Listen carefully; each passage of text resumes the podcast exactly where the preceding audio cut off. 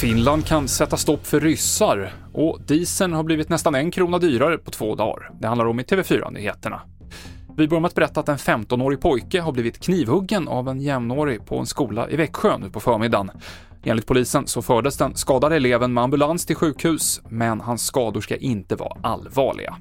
Finland kommer stänga gränsen för ryska turister vid midnatt, erfar tidningen Helsingin Sanomat. Den här frågan ska tas upp på ett regeringsmöte som börjar nu klockan 12 svensk tid.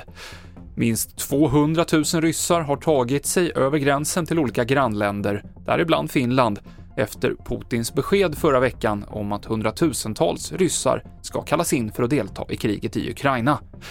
Och det här mobiliseringsmotståndet har väckt spekulationer i media om att annekteringen av områden i Ukraina kan dröja. Det går så pass dåligt med de här mobiliseringsåtgärderna och det är också dessutom väldigt många framgångar för Ukraina på, på slagfältet vilket gör att man bedömer att den ryska allmänheten just nu inte kanske skulle ta emot ett besked om annektering eh, på ett bra sätt. Eh, vad det här betyder vet vi inte exakt. Eh, dessutom till bilden hör ju också att president Erdogan från Turkiet hävdar att han idag ska prata med Putin och han vill ju gärna mäkla fred.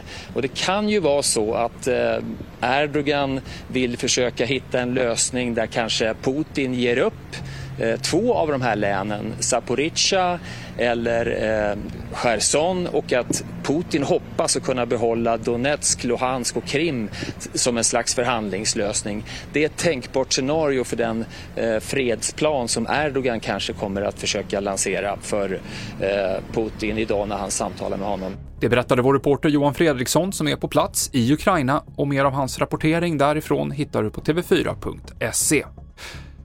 Idag så höjs bensinpriset vid bemannade stationer med 50 öre till 19 kronor och 58 öre litern. Dieselpriset höjs med 65 öre till 24 kronor och 74 öre litern, något som innebär att dieseln har blivit nästan en krona dyrare på två dagar. Oljepriset har annars sjunkit i september, men samtidigt så har den svenska kronan försvagats rejält mot dollarn. TV4-nyheterna i studion idag Mikael Klintevall.